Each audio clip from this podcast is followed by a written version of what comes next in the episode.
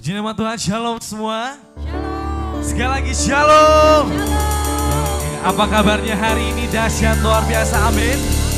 Oke, yang dahsyat luar biasa mungkin jemaat bisa maju terlebih dahulu. Isi yang depan, isi yang depan. Oke. Baik, sekali lagi berikan tepuk tangan yang meriah untuk Tuhan kita yang dahsyat. Haleluya. Mari sebelum kita memulai ibadah kita hari ini, kita bersatu dalam doa. Bapak yang baik, Bapak yang disukai Tuhan Yesus Kristus, terima kasih Tuhan.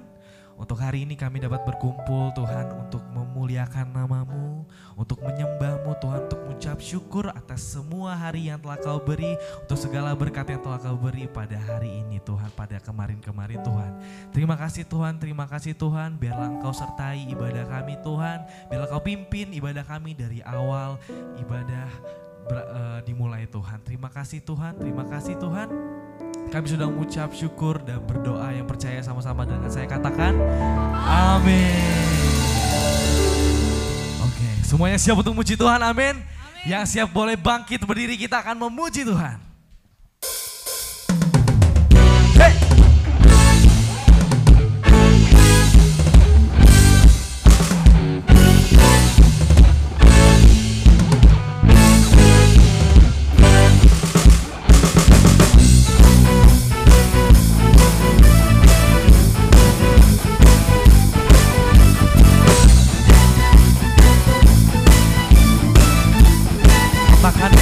Pada siapa?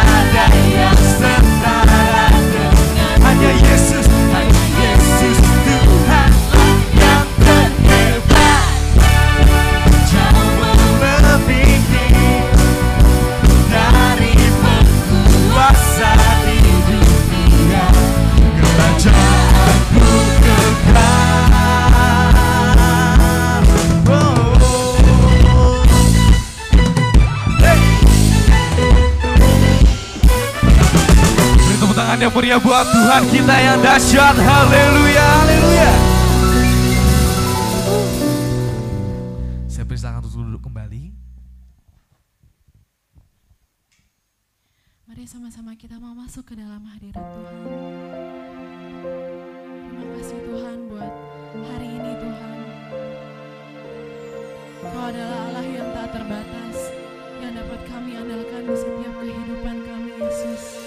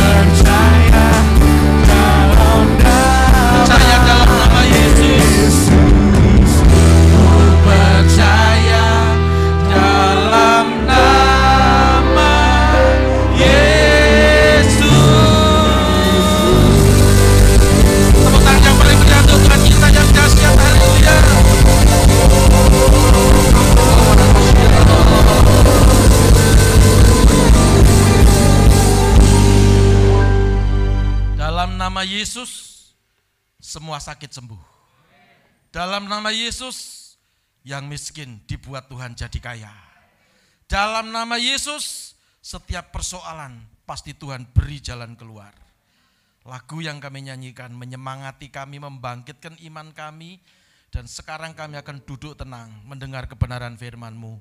Urapi dan berkati kami semuanya. Biarlah firman yang kami dengar ini membuat terobosan dalam hidup kami. Sehingga pada waktu kami berdoa, kami bisa menyingkirkan penghalang-penghalang doa kami. Terima kasih Bapa di surga. Pengurapan-Mu atas kami semua. Pengurapan-Mu juga atas kami hamba-Mu yang menyampaikan firman-Mu. Demi nama Yesus Tuhan kami sudah berdoa. Haleluya. Sama-sama berkata, Amin. Sebelum duduk tepuk tangan yang paling meriah untuk Tuhan. Puji Tuhan, puji Tuhan. Shalom semuanya. Apa kabar saudara-saudara? Yang di rumah yang mengikuti live streaming, saya juga percaya saudara juga diberkati Tuhan. Amin. Di akhir bulan Juni ini, seperti biasa saya selalu menutup dalam eh, summary ya, eh, ringkasan daripada tema sepanjang bulan. Kita sedang menutup tema yaitu transformasi doa. Dan hari ini saya akan menyampaikan tentang menghancurkan penghalang doa. Siapa yang suka berdoa? Wah kok cuma empat? Yang lain ngapain? Gitu ya. Mungkin belum dengar. Yang di rumah juga boleh angkat tangan ya. Kalau yang di rumah boleh tulis di live chat ya. Sebanyak-banyaknya. Saya senang berdoa ya. Yang di sini saja coba lambaikan tangan siapa yang senang berdoa. Doa makan, doa makan siang, doa makan malam, doa bangun tidur, doa tidur. Tidak apa-apa, tepuk tangan dulu yang paling meriah. Nah saudara-saudara, saya percaya bahwa doa itu seperti definisi-definisi yang sudah disampaikan oleh hamba-hamba Tuhan yang berkhotbah di tempat ini. Doa itu ada yang berkata bahwa adalah alat komunikasi dengan Tuhan. Jadi doa itu tidak bersifat monoton ya. Karena doa itu tidak oh Tuhan terima kasih haleluya amin gitu. Baru Tuhan mau menjawab lalu putus Saudara-saudara ya. Tidak seperti itu. Apa pun perhatikan Tuhan tidak mempersulit doa kita. Amin. Pada waktu Tuhan Yesus ditanya sama para muridnya, Tuhan, guru, ajarkan kami berdoa. Maka sangat sederhana sekali Tuhan ajarkan kepada murid-muridnya yang terkenal dengan doa apa? Doa Bapa kami, Bapa kami yang ada di surga, saudara ya. Tuhan menyederhanakan caranya manusia menggapai Tuhan. Caranya manusia berdoa menyampaikan keinginannya. Caranya manusia berkomunikasi dengan penciptanya. Toh pencipta bukan menurunkan standarnya. Tapi menganggap kita ini adalah anak-anaknya. Artinya saudara dan saya ahli waris kerajaan surga. Tepuk tangan yang paling meriah untuk Tuhan kita yang dahsyat. Ada orang bertanya kepada saya, Pastor, kalau berdoa itu kenapa ya kok saya sudah bertahun-tahun kok nggak dijawab sama Tuhan. Tadi pagi di sesi pertama di IFC 1 saya menyampaikan tentang judul menghancurkan penghalang doa. Ah, apa namanya? Bukan menghancurkan penghalang, tapi mengalahkan musuh dengan doa. Ya, musuh kita kalau tadi pagi saya berkata musuh kita dalam doa itu adalah intimidasi, ya, yang tidak kelihatan, tetapi sungguh amat sangat mematikan. Tadi saya berkata saya seorang laboran atau laboratorium dan ada satu zat yang sangat uh, sangat mematikan ya namanya arsen atau arsenat, arsenat AS2O3. Itu tidak berasa, tidak berbau, tidak berwarna tetapi kalau dimakan mati. Ya, sangat menyulitkan. Tidak berbau, tidak berasa, tidak berwarna. Saya kira intimidasi juga seperti itu. Pada waktu kita berdoa selalu diingatkan masa lalu kita oleh iblis Eh dulu kamu tukang nyolong. Eh dulu kamu pernah jatuh dalam perselingkuhan. Eh dulu kamu pernah mukulin orang. Pada waktu kita mau menyembah Tuhan, Bapak kami yang ada di surga. Eh kamu bapakmu jelek, bapakmu suka gebukin kamu. Sehingga doa kita terhalang. Ya nanti saudara bisa melihat di channel Youtube di IFC 1 tadi pagi. ya Sambil santai-santai di rumah gitu. Dengarkan supaya kita semuanya bisa mengalami transformasi doa. Katakan sama-sama transformasi doa. Doa yang bisa menembus ya, yang tidak mungkin jadi mungkin. Cara berdoanya pun berubah. Nah, hari ini kita belajar tentang menghancurkan penghalang doa. Nah, langsung saja kita membaca dalam kitab Daniel pasal yang ke-6 ayat yang ke-11 sampai yang ke-12. Kitab Daniel 6 11 sampai 12 bersama dengan saya kita baca bersama-sama yang di rumah juga ikut membaca 1 2 3 demi didengar Daniel bahwa surat perintah itu telah dibuat. Pergilah ia ke rumahnya, dalam kamar atasnya ada tingkap-tingkap yang terbuka ke arah apa? Yerusalem. Tiga kali sehari ia berlutut, berdoa serta memuji Allahnya. Seperti yang biasa dilakukannya. 12 bersama-sama lebih kuat, 23. Lalu orang-orang itu bergegas-gegas masuk dan mendapati Daniel sedang apa? Berdoa dan bermohon kepada Allahnya. Tepuk tangan yang paling meriah untuk firman Tuhan yang dahsyat. Saudara tahu Daniel ini uh, adalah seorang Yahudi ya yang dibuang ke perbudakan Babel ya. Dia punya tiga teman, Sadra, Mesa, Abednego yang dimasukkan ke dalam dapur perapian. Saya berharap tidak ada yang lupa ya. Siapa yang suka baca firman Tuhan? Ya, Nah, tiga, empat orang ini, Sadra, Mesa, Abednego, dan Daniel ini adalah orang anak-anak muda yang sangat pandai. Anak-anak muda yang pemikirannya luar biasa, mungkin seperti anak-anak muda sekarang ya. Kalau anak-anak muda sekarang itu ngomong dengan anak-anak tua seperti kita ini, anak tuanya banyak yang nggak nyambung loh. Saya kemarin diajari sama istri saya, bukan diajari, dikasih masukan. Ya mungkin dia tahu bahwa setiap hari itu saya rekaman untuk apa di uh, live kan uh, di, di untuk acara uh, apa namanya siang itu ya renungan siang IHK. Kadang-kadang saya borong satu hari gitu saya rekaman semua. Nah, dia bilang yang yang sedang ngetren tuh sekarang TikTok. Jadi pakai TikTok, aku mikir gimana ya caranya TikTok. Nah coba kalau anak sekarang TikTok langsung tek, tek, tek, gitu. Kalau saya butuh waktu tiga hari belajar TikTok, ngerti enggak? Ya, jadi agak tell me, terlambat mikir, ya. Ya maklumlah kan generasi tua. Saya tidak berkata generasi uzur. Wong masih gagah perkasa seperti ini masa uzur. Masih ganteng kan menurut istri saya. Gitu kan? Ya. Sadra Mesabet Niko termasuk Daniel itu adalah orang anak-anak muda yang hebat. Ya, yang luar biasa walaupun dia hidup di negerinya orang, saudara ya. Tapi ini orang yang diurapi Tuhan, orang yang memiliki roh yang berbeda, spirit of excellence, saudara ya. Saya berharap juga anak-anak muda di tempat ini memiliki spirit of excellence. Yang walaupun hari ini kau melihat keadaan orang tuamu yang tidak memungkinkan untuk engkau kuliah, ya ataupun yang di rumah, dengar ada kuasa Tuhan yang tidak terbatas. Amin. Lambaikan tangan, berikan tepuk tangan yang paling meriah untuk Tuhan. Haleluya. Ini seorang anak bangsawan dari golongan bangsawan yang luar biasa ya. Daniel ini cerdas, Daniel ini ya luar biasa bahkan dia hidup di tiga pemerintahan ya. Pemerintahan Raja Nebukadnezar, Raja Belshazzar dan juga Raja Darius. Jadi ngerti karakter rajanya masing-masing. Saudara-saudara. Nah, Daniel ini memiliki sikap doa yang luar biasa. Doa yang tidak biasanya. Kalau tadi saya tanya sama saudara, siapa yang suka berdoa gitu ya? Ada yang mungkin malu-malu karena doanya itu lima kali.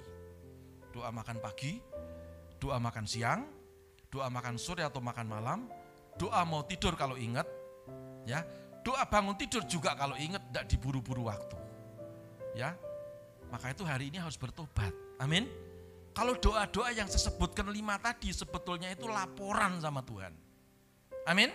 Ya. Namun demikian Tuhan tidak mencela kita, oh doamu jelek, enggak. Karena penilaian doa dan tidak itu ukurannya apakah kita menyenangkan hatinya Tuhan atau tidak. Amin. Yang orang tua memiliki anak barangkali tiga atau empat anakmu atau dua. Ada anak nomor satu yang suka ngalem. Ngalem itu suka apa ya, suka manja sama orang tuanya itu ya. Suka jawil-jawil janggutnya ayahnya itu, ayah, papa gitu. Papa kok baik sih gitu. Ada yang begitu, bapaknya nggak marah. Nah memang sifatnya anak seperti itu. Ya dielus-elus jidatnya. Oh iya gitu. Ujung-ujungnya minta dong belikan mobil gitu ya. Ujung-ujungnya. Tapi ada anak yang oh tidak seperti itu ya. Caranya beda. Ya resmi sekali. Bapak, hari ini hari Minggu tanggal 26 tahun 2022. Saya anakmu Pak Ijo, izinkan menghadapmu dan memohon sesuatu kepada Bapak. Saya juga yakin Bapaknya nggak ngamuk, betul? Ya memang kelakuannya seperti itu, karakternya seperti itu. Nggak mungkin lalu anaknya seperti itu, lalu bapaknya, oh, tak jotosi kamu. Tak gebukin karena kamu kok beda. Saudara mungkin bisa melatih seperti itu, lalu kemudian minggu depan dia kambuh lagi. Ya memang seperti itu. Yang penting adalah bukan bagaimana kita berdoa, tapi apakah di dalam doa kita menyenangkan hatinya Tuhan atau tidak. Itu persoalan. Amin. Dan kalau hatinya Tuhan disenangkan karena doa kita, karena perbuatan kita, maka hidupku dan hidupmu walaupun kita di dunia ini kan kayak orang kontrak, seperti gereja ini kontrak mau habis, mau diperpanjang, malah suruh beli. Belinya mahal lagi, 10 M 300 juta. Duit sopo. Seminggu aku nggak tidur, kelap kelip ini gimana Tuhan? Terintimidasi. Ya, apa duitnya Kovendi, apa duitnya Cik Santi gitu ya. Apa duitnya Korudi Wijaya gitu ya.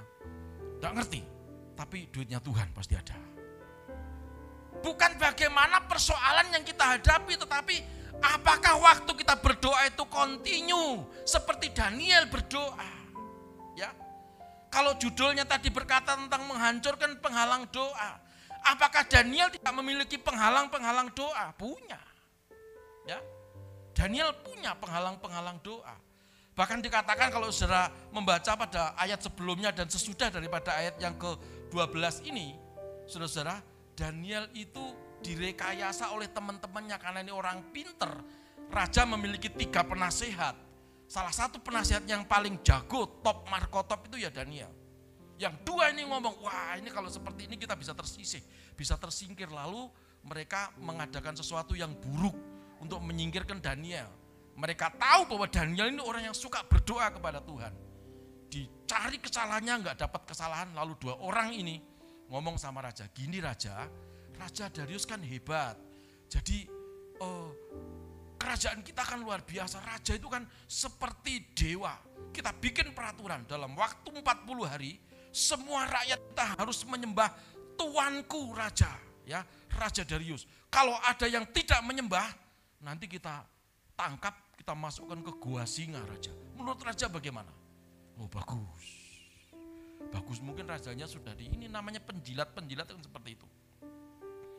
Akhirnya dibuatlah SK, surat keputusan raja SKR nomor 001 garis miring sekian sekian sekian. Ya, begitu. Diumumkan kepada seluruh rakyat bahwa siapa dalam waktu 40 hari yang tidak menyembah raja, maka akan ditangkap dan dimasukkan ke gua singa, bukan dielus-elus oleh singa, bukan dijilat-jilat oleh singa, bukan dipeluk-peluk oleh singa, tapi dimakan oleh singa itu. Saudara-saudara. Tapi sudah lihat, Daniel tidak terintimidasi.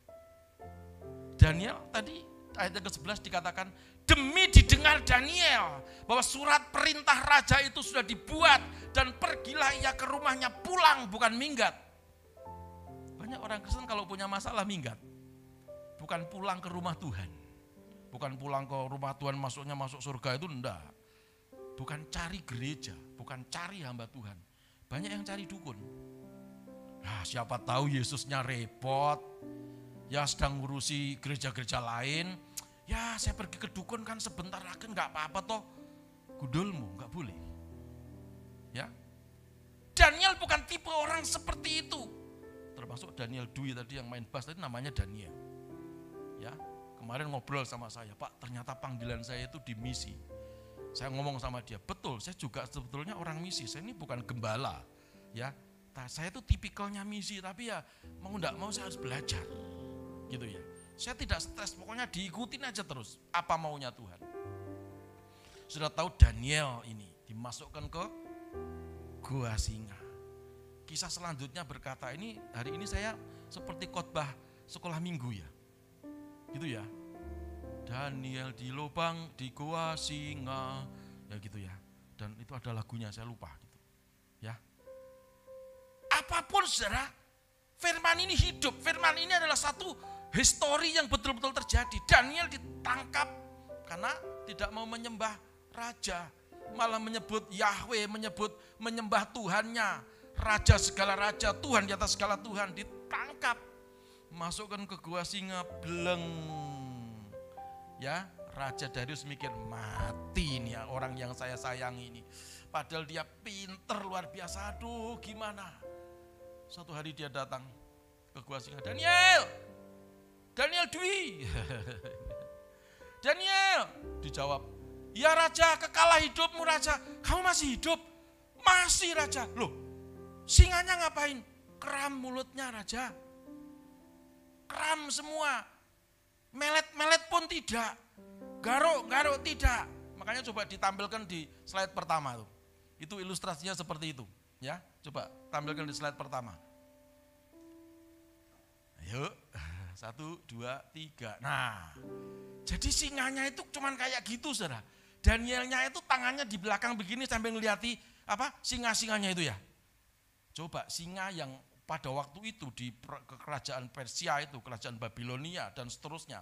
Itu dulu raja-raja itu suka me, apa, memelihara singa yang tidak dikasih makan dengan apa? kenyang. Hanya setengah kenyang. Maksudnya apa? Supaya kalau ada rakyat yang salah bisa dihukum dengan cara dimasukkan ke gua singa lalu dimakan sama singa itu. Jadi lumayan raja bisa kasih makan gratis ya. Seperti itu maksudnya. Tapi apa yang terjadi? Daniel tidak dimakan singa, singanya malah nurut, hanya diem begitu ngeliati ya, bahasa Jawanya pelonga-pelongo. Ya. Sudah mau tahu ini kenapa terjadi? Yang jelas Daniel orang yang dilindungi Tuhan. Daniel orang yang suka berdoa dan mengalami mujizat dan mengalami penjagaan Tuhan, mengalami kuasa yang dahsyat sehingga yang seharusnya dia mati tidak mati, yang seharusnya dia binasa tidak binasa. Berikan tepuk tangan yang paling meriah untuk Tuhan kita yang dahsyat. Ada yang pernah ditangkap dan dimasukkan ke gua singa di sini? Enggak ada kan? Makanya belum sampai seperti itu kadang-kadang doa kita ini doa yang seperti Nabi Elia yang tadi pagi saya khotbahkan. Ya, dia minta mati sama Tuhan. Tuhan, lebih baik aku mati saja kalau hidup seperti ini Tuhan. Toh aku juga tidak jauh lebih baik daripada para leluhurku. Untuk apa aku hidup? Dia lupa kalau dia seorang nabi. Dia lupa kalau dia seorang nabi yang mengadakan mujizat yang luar biasa. Bahkan membangkitkan, pernah membangkitkan anak siapa? Janda Sarfat.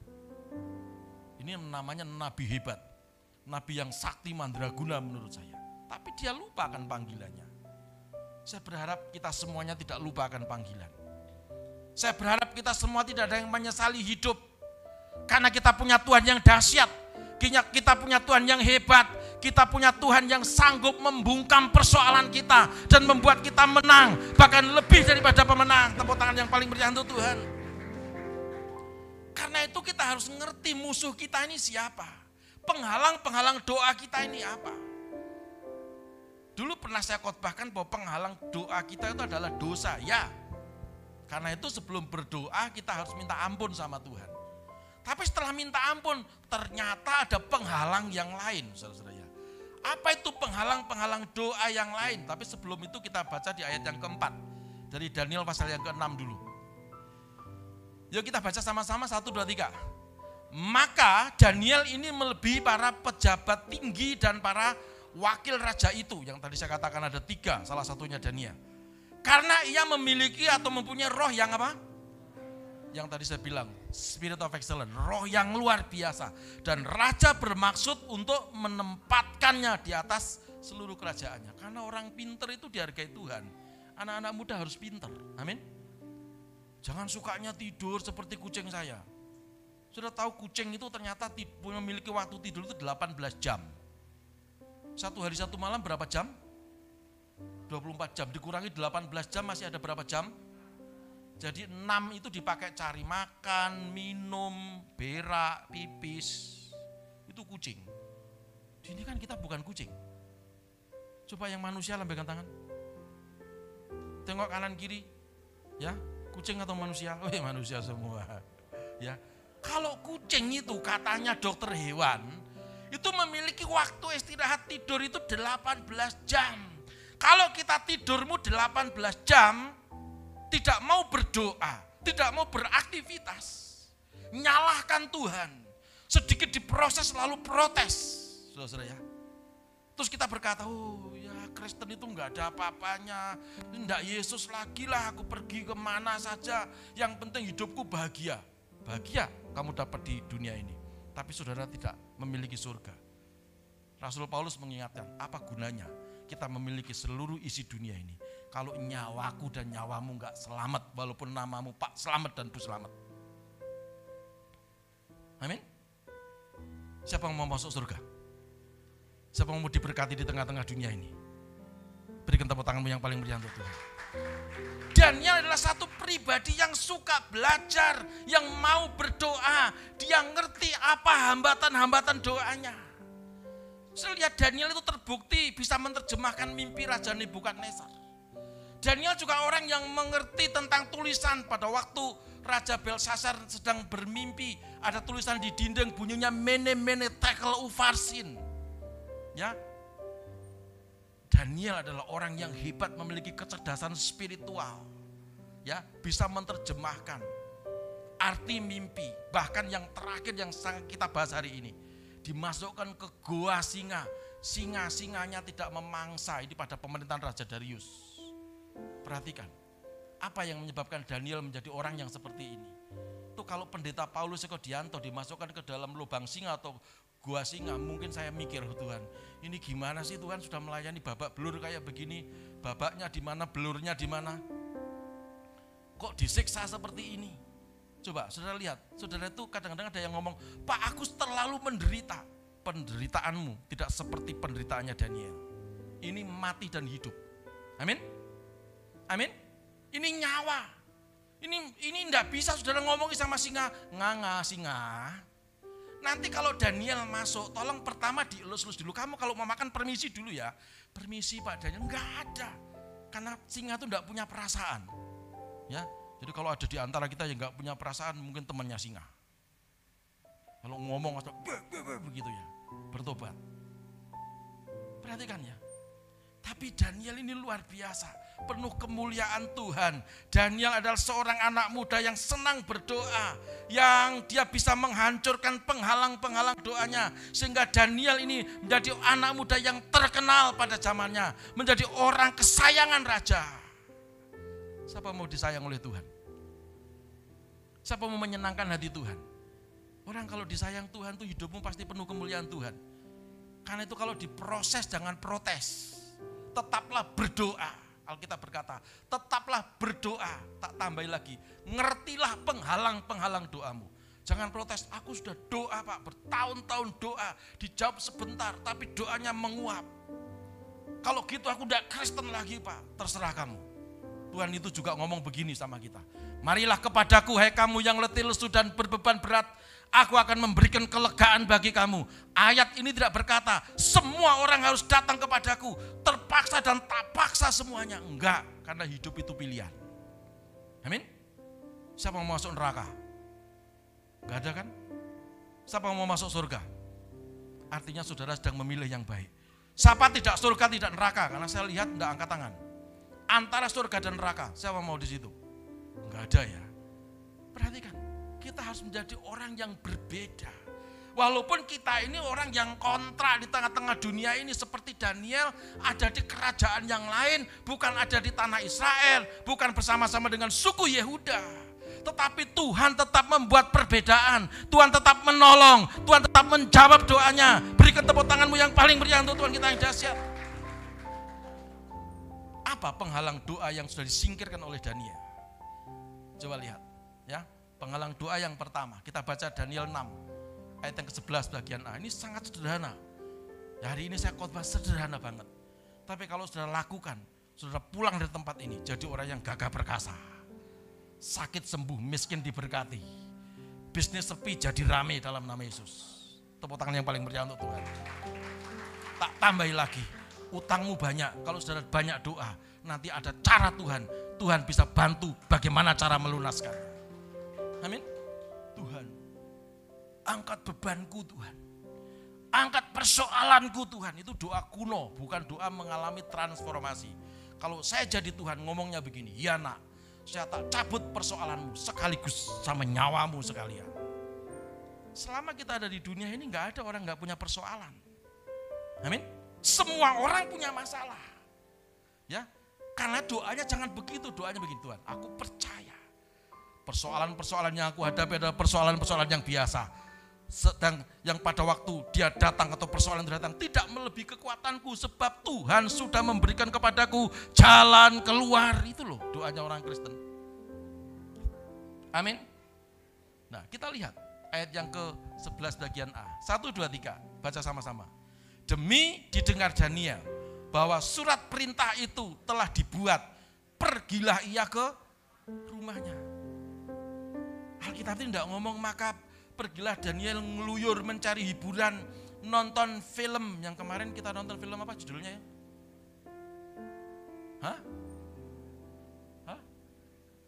Ya ngeri-ngeri sedap. Saya juga nonton gitu.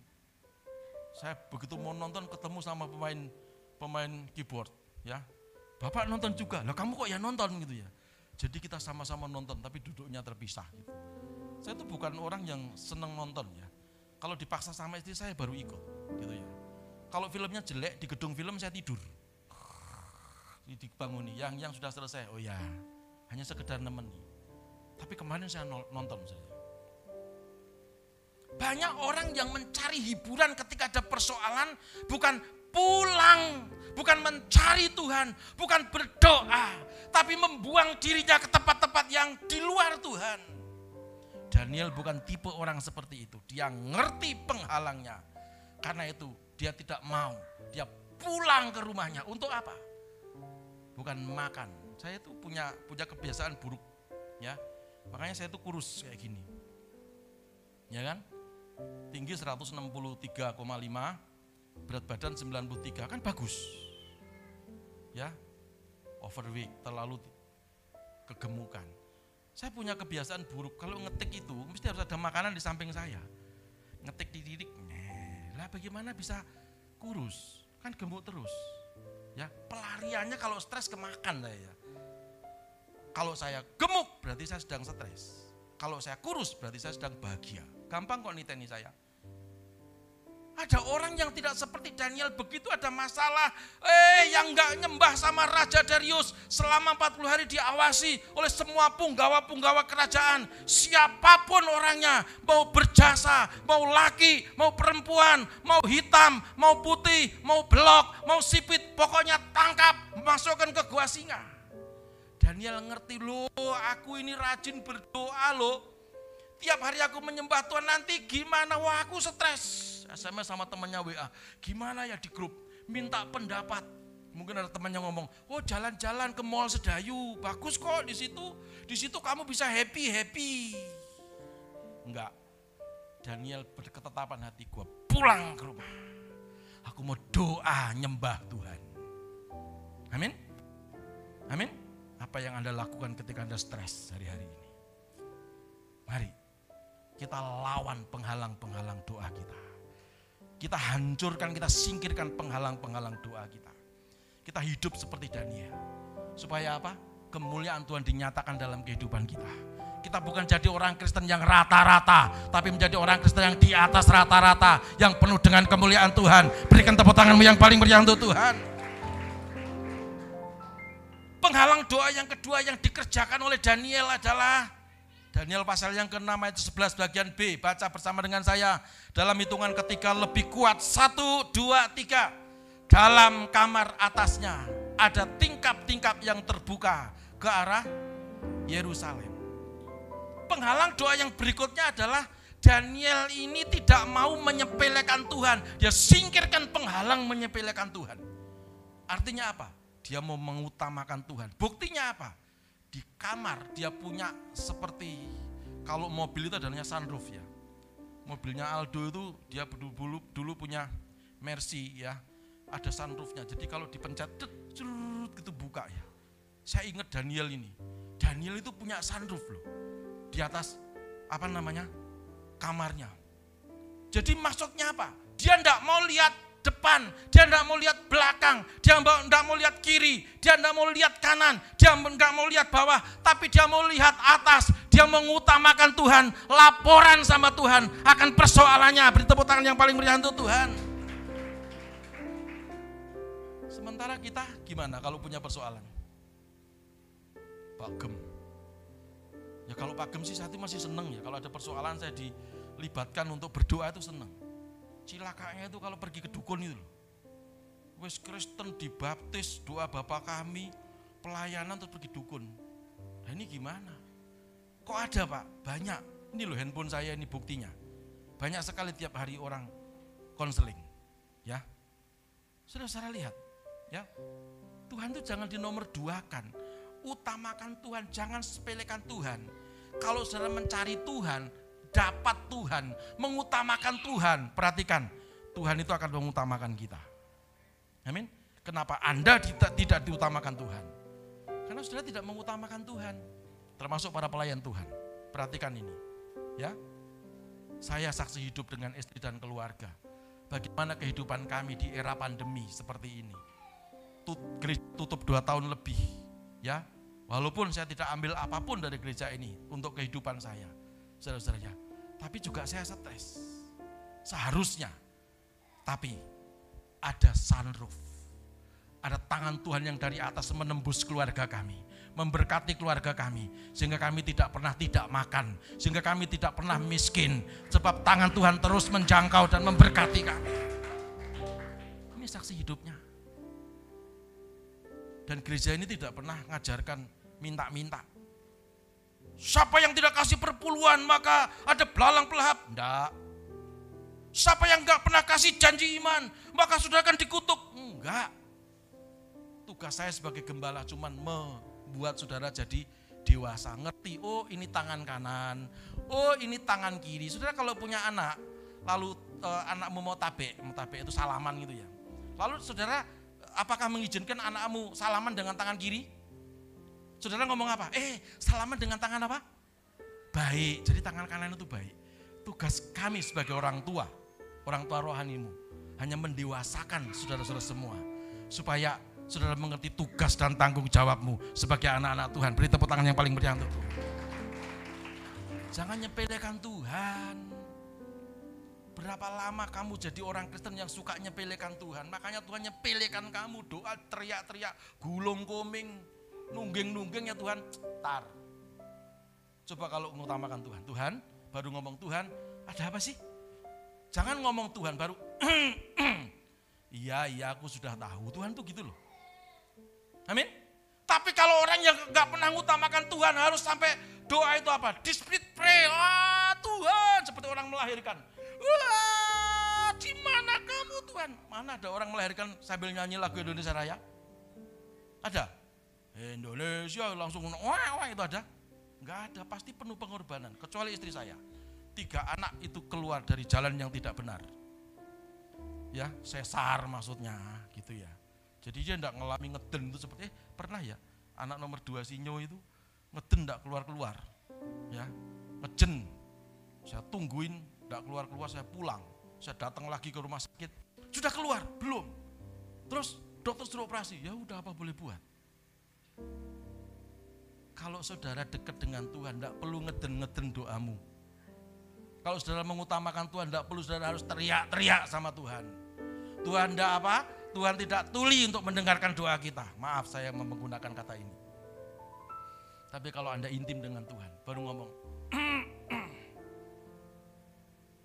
Tuhan ngomong sama malaikatnya, eh malaikat, kok Halim itu loh, ngapain dia kok, coba kamu tanyain.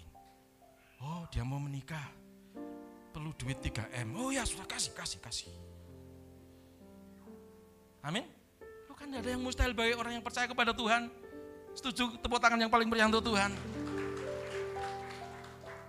Doa yang tidak terhalang itu doa yang betul-betul dijawab oleh Tuhan. Doa yang Tuhan dengar lalu jawab kita.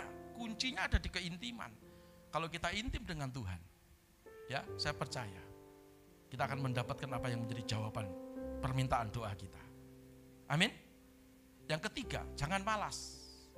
Ayat yang ke-11 bagian C. Tiga kali sehari ia berlutut berdoa serta memuji Allahnya. Seperti yang dibiasakan, ah, seperti yang biasa dilakukannya. Ini bicara tentang tidak malas. Daniel itu orangnya nggak malas. Doa tiga kali menghadap ke atas, ya artinya menembus batas ketahilan, tidak ngelihat ke bawah, aduh persoalanku ini gimana, aku letih lesu, persoalanku berat, enggak, tapi dia lihat ke atas, oh Tuhan, engkau ada di atas, tanganmu menjangkau aku, menyembuhkan sakitku, menyembuhkan persoalanku, membuat terobosan dalam hidupku, memulihkan keadaanku. Jangan malas berdoa. Amin. Ayo ke gereja sekarang sudah tidak ada pandemi. Maaf ya ini saya akan lat jadi 10 10 menit. Ya. Jadi kita tidak tepat 60 menit tapi 10 10 menit. Jadi 70 menit. Ya, saya minta izin terlebih dahulu. Setelah ini diaken-diaken nanti kumpul di bawah kita ada meeting sebentar. Kita akan evaluasi ibadah kita. Ya, saudara ya. Saudara perhatikan kalau jadi orang malas, kita nggak ada persiapan. Coba kalau orang itu sudah mempersiapkan prepare terlebih dulu. PR sudah dikerjakan anak-anak yang masih sekolah. PR yang minggu depan sudah dikerjakan hari ini. Besok ada persoalan. Besok listriknya mati, internetnya putus. Kita sudah siap. Amin. Tapi kalau nggak nggak ada persiapan, bahasa Jawanya gedandapan. Duh gimana ya listriknya mati, internetnya putus. Gimana ya? Nabrak sana, nabrak sini, bentus. Tidak karu-karuan. Daniel bukan tipe orang seperti itu. Dia persiapkan hatinya. Ada persoalan, siapa yang nggak nyembah Raja Darius, masukkan ke goa singa dalam hati. Emang gua pikirin. Ya, seperti Paulus berkata, kalau aku hidup masih punya tugas, tapi kalau aku mati itu keuntungan buat saya. Mungkin Daniel ngomongnya gitu, nggak takut mati. Amin. Juga nggak takut hidup. Yang keempat, terakhir. Ayat yang ke-12. Kita baca sama-sama. Satu, dua, tiga. Lalu orang-orang itu apa? Bergegas-gegas masuk dan mendapati Daniel sedang apa? Berdoa. Pulang ke rumah bukan nonton TV, bukan chatting-chatting sama temennya. Bukan bikin apa tadi TikTok, enggak karu-karuan. Tapi dia berdoa, para punggawa kerajaan masuk ke kamarnya. Loh, kok doa ini Daniel ini? Menyembah Tuhannya tadi dikatakan, ya dia sedang berdoa kepada Tuhan. Waduh, ini orang kurang ajar loh. Orang sedang berdoa tetap aja ditangkap. Ya, dia ngerti ini hambatan doa yang dialami oleh Daniel. Tapi Daniel tidak minta dukungan manusia. Dia menghadap ke atas minta dukungan Tuhan. Dia berdoa kepada Allahnya. Seperti Sadra Mesa Abednego. Tangkap, ngomong, sembah patung apa enggak? Sadra sama, sama Abednego, sama Mesa ngomong gini. Enggak, aku sekali-sekali tidak akan menyembah patung yang kamu dirikan ya Raja. Nebukadnezar. Sekalipun aku harus mati, dibakar, dipanggang di dapur api perapian Aku tidak akan pernah menyembah sedikit pun kepada patungmu itu. Seandainya Tuhan yang aku sembah nggak nolong aku, nggak apa-apa. Sekali lagi, orang yang seperti ini orang yang memiliki keyakinan yang teguh di dalam doanya. Dia tidak mencari pembelaan manusia. Dia tidak minta belas kasihan. Kamu ngerti enggak? Aku sedang menderita. Aku sedang sakit. Gak ada pertolongan. Aku sedang bokeh. Tolong, tolong. Enggak tetap berdiri teguh, enggak apa-apa. Dimakan singa, enggak apa-apa. Masuk dapur perapian, enggak apa-apa. Karena aku tahu Tuhan yang aku sembah pasti menyelamatkan aku. Karena aku tahu Tuhan yang aku sembah pasti menyembuhkan sakitku. Karena aku tahu Tuhan yang aku sembah pasti menolong aku. Gimana caranya aku bisa melunaskan hutang-hutangku. Tepuk tangan yang paling berjaya untuk Tuhan. Belum ditangkap, belum ngapa-ngapain sudah bereaksi ke kebablasan. Saya pernah tegur teman saya di Facebook. Kalau hidup hanya untuk seperti ini, buat apa aku menyembah kamu? Aku menyesal mengenalmu. Uh, tak telepon orangnya.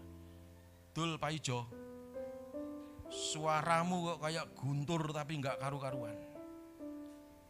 Dari kecil kamu dididik sama orang tuamu untuk kenal Yesus sebagai Tuhan dan Juru Selamatmu. Begitu kamu mengalami persoalan, kamu udah protes sama Tuhan, belum nyawamu diminta. Saya bilang gitu. Ayo bertobat. Dasar saya. Saya ini pas enggak punya duit. Saya tanya, lo kenapa kamu seperti itu? Iya, saya ini perlu duit. Berapa? Enggak banyak, ya saya punya sedikit tak kasih aja. Gitu. Enggak sampai tiga hari dikembalikan Tuhan, sepuluh kali lipat. Amin. Amin. Kalau perkara duit aku enggak mikir. Pokoknya digerakkan Tuhan tak kasih tak kasih gitu. Enggak sampai tiga hari dikembalikan Tuhan sepuluh kali lipat. Saya telepon lagi, ngerti enggak kamu? Saya ditolong Tuhan. Duit yang tak kasihkan kamu kemarin, sekarang aku dikembalikan sama Tuhan sepuluh kali lipat sama orang apa? Kalau saya bilang jemaat YouTube. Dia tanya sama saya, Pak Pendeta, minta nomor rekeningnya. Saya tanya, rekening gereja atau rekening pribadi? Rekening pribadi Pak Pendeta. Sebab doamu di dalam uh, live itu mendoakan saya dijawab oleh Tuhan. Haleluya. Puji Tuhan. Saya percaya bahwa Tuhan itu dahsyat. Kalau Daniel saja menjadi orang yang seperti itu ditolong Tuhan. Ayo jangan jadi orang Kristen yang Kristen katanya. Katanya Kristen. Ya, tapi hidup mudah hidup dalam doa. Begitu saudara mengalami hambatan doa, kalah sebelum perang. Ya, menghadap ke dinding lalu berkata, "Oh, sudahlah kalau begini caranya." Enggak Kristen-Kristennya ngomong sama saya, "Itu bukan saya." Ngomong sama saya, "Itu bukan saya." Siapa mau diberkati Tuhan? Siapa mau doanya dijawab oleh Tuhan? Tetaplah berdoa apa pun yang terjadi. Tadi ada empat, nanti baca lagi, ikuti di Youtube lagi terus renungkan siang malam firman ini. Saya percaya semua akan diberkati oleh Tuhan. Bangkit berdiri dalam hadirat Tuhan. Para pemain musik worship leader. Kembali ke tempat. Haleluya. Pemain musik segera. Haleluya. Kita nyanyi satu lagu. Oh, Ramasyara.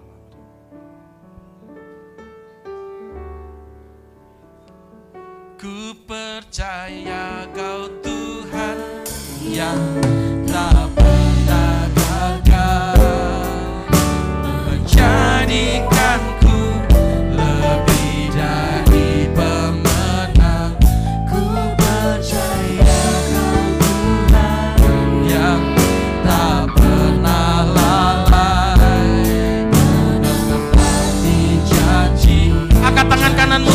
Kini mo di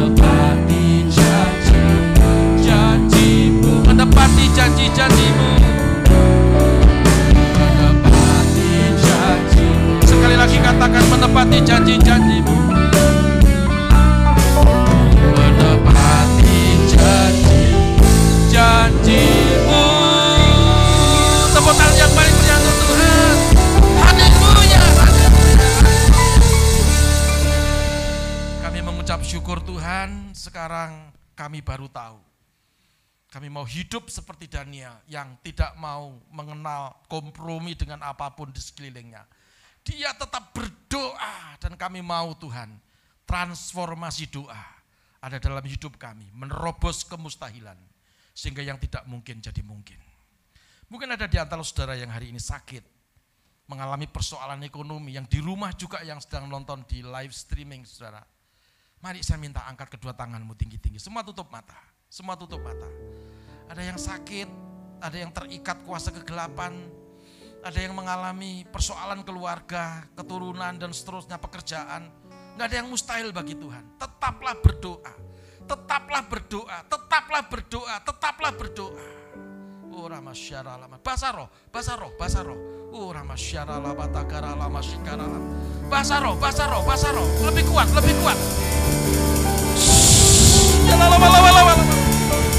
Roh lebih kuat, lebih kuat. Ada pertolongan, ada mujizat, ada urapan, ada kuasa yang bekerja. Urapanmu Tuhan, urapanmu Tuhan kami perlukan hari ini. Ya.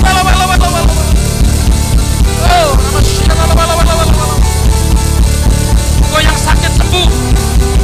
Kau yang mengalami persoalan ekonomi diberkati Tuhan yang terlilit utang memberi hikmat gimana caranya membayar dalam nama Yesus jadi kepala bukan jadi ekor naik terus tidak pernah turun dalam nama Yesus mari tepuk tangan yang paling meriah untuk Tuhan haleluya haleluya haleluya lebih kuat lebih kuat tepuk tangan yang paling meriah untuk Tuhan oh ramasya Terima kasih Bapak di surga. Percaya Tuhan, firman iman, firman benih ini sudah ada dalam hati kami. Kami akan mengerjakannya sesuai dengan apa yang Tuhan katakan. Pasti mujizat terjadi. Demi nama Yesus kami berdoa, sama-sama berkata, amin. Silakan duduk, yang di rumah juga silakan duduk. Kalau yang duduk juga tetap duduk.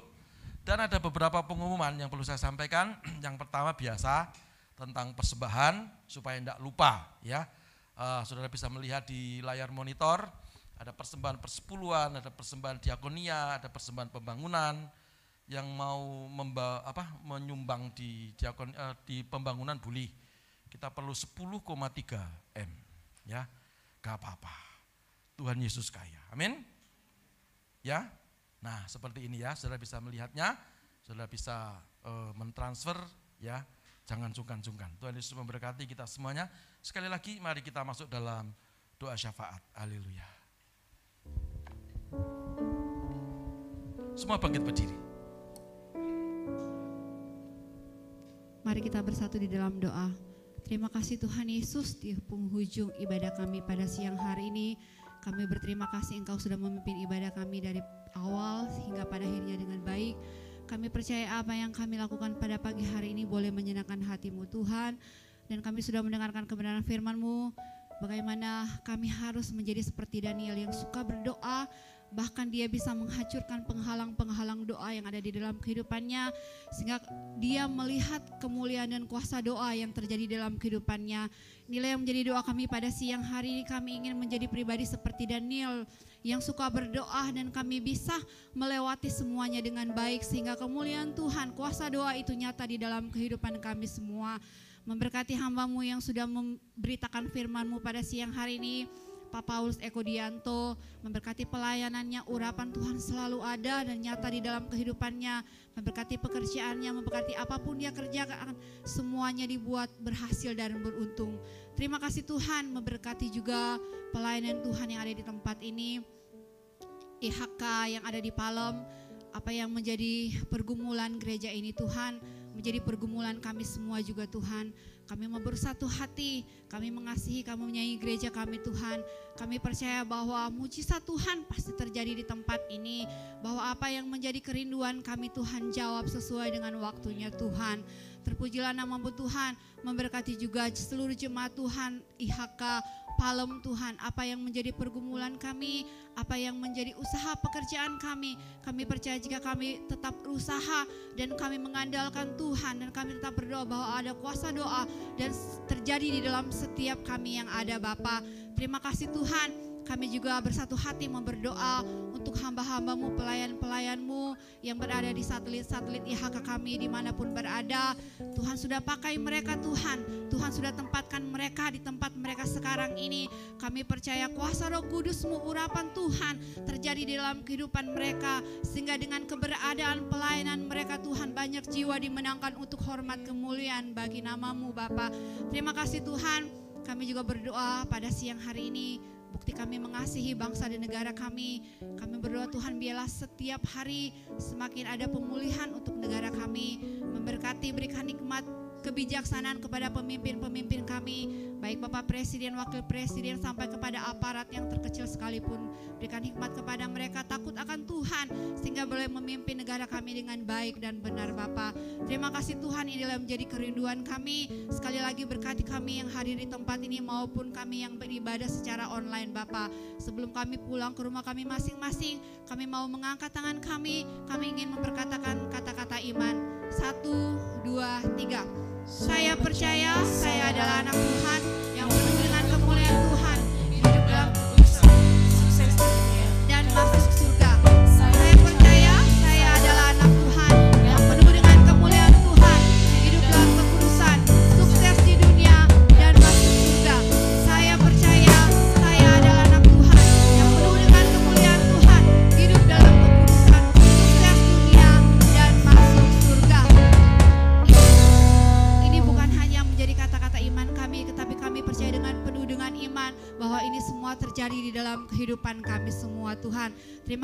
Tuhan, sebelum kami pulang ke rumah kami masing-masing, kami ingin menerima berkat lewat hambamu. Mari angkat kedua tangan saudara tinggi-tinggi dalam hadirat Tuhan. Yang di rumah juga angkat kedua tangan.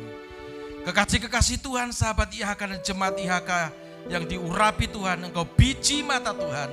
Terima berkat yang melimpah-limpah dari Allah Bapa, persekutuan dan kasih sayang dari Tuhan kita Yesus Kristus, penyertaan penghiburan serta kuat kuasa dari Allah Roh Kudus, menuntun, menyertai, memberkati, menjadikan kita kepala dan bukan menjadi ekor, naik terus dan tidak pernah turun, mulai hari ini, bahkan sampai selama-lamanya. Demi nama Yesus Kristus Tuhan. Haleluya, sama-sama berkata, Amin. Puji nama Tuhan. Selamat hari Minggu. Tuhan Yesus memberkati. Salam IHK.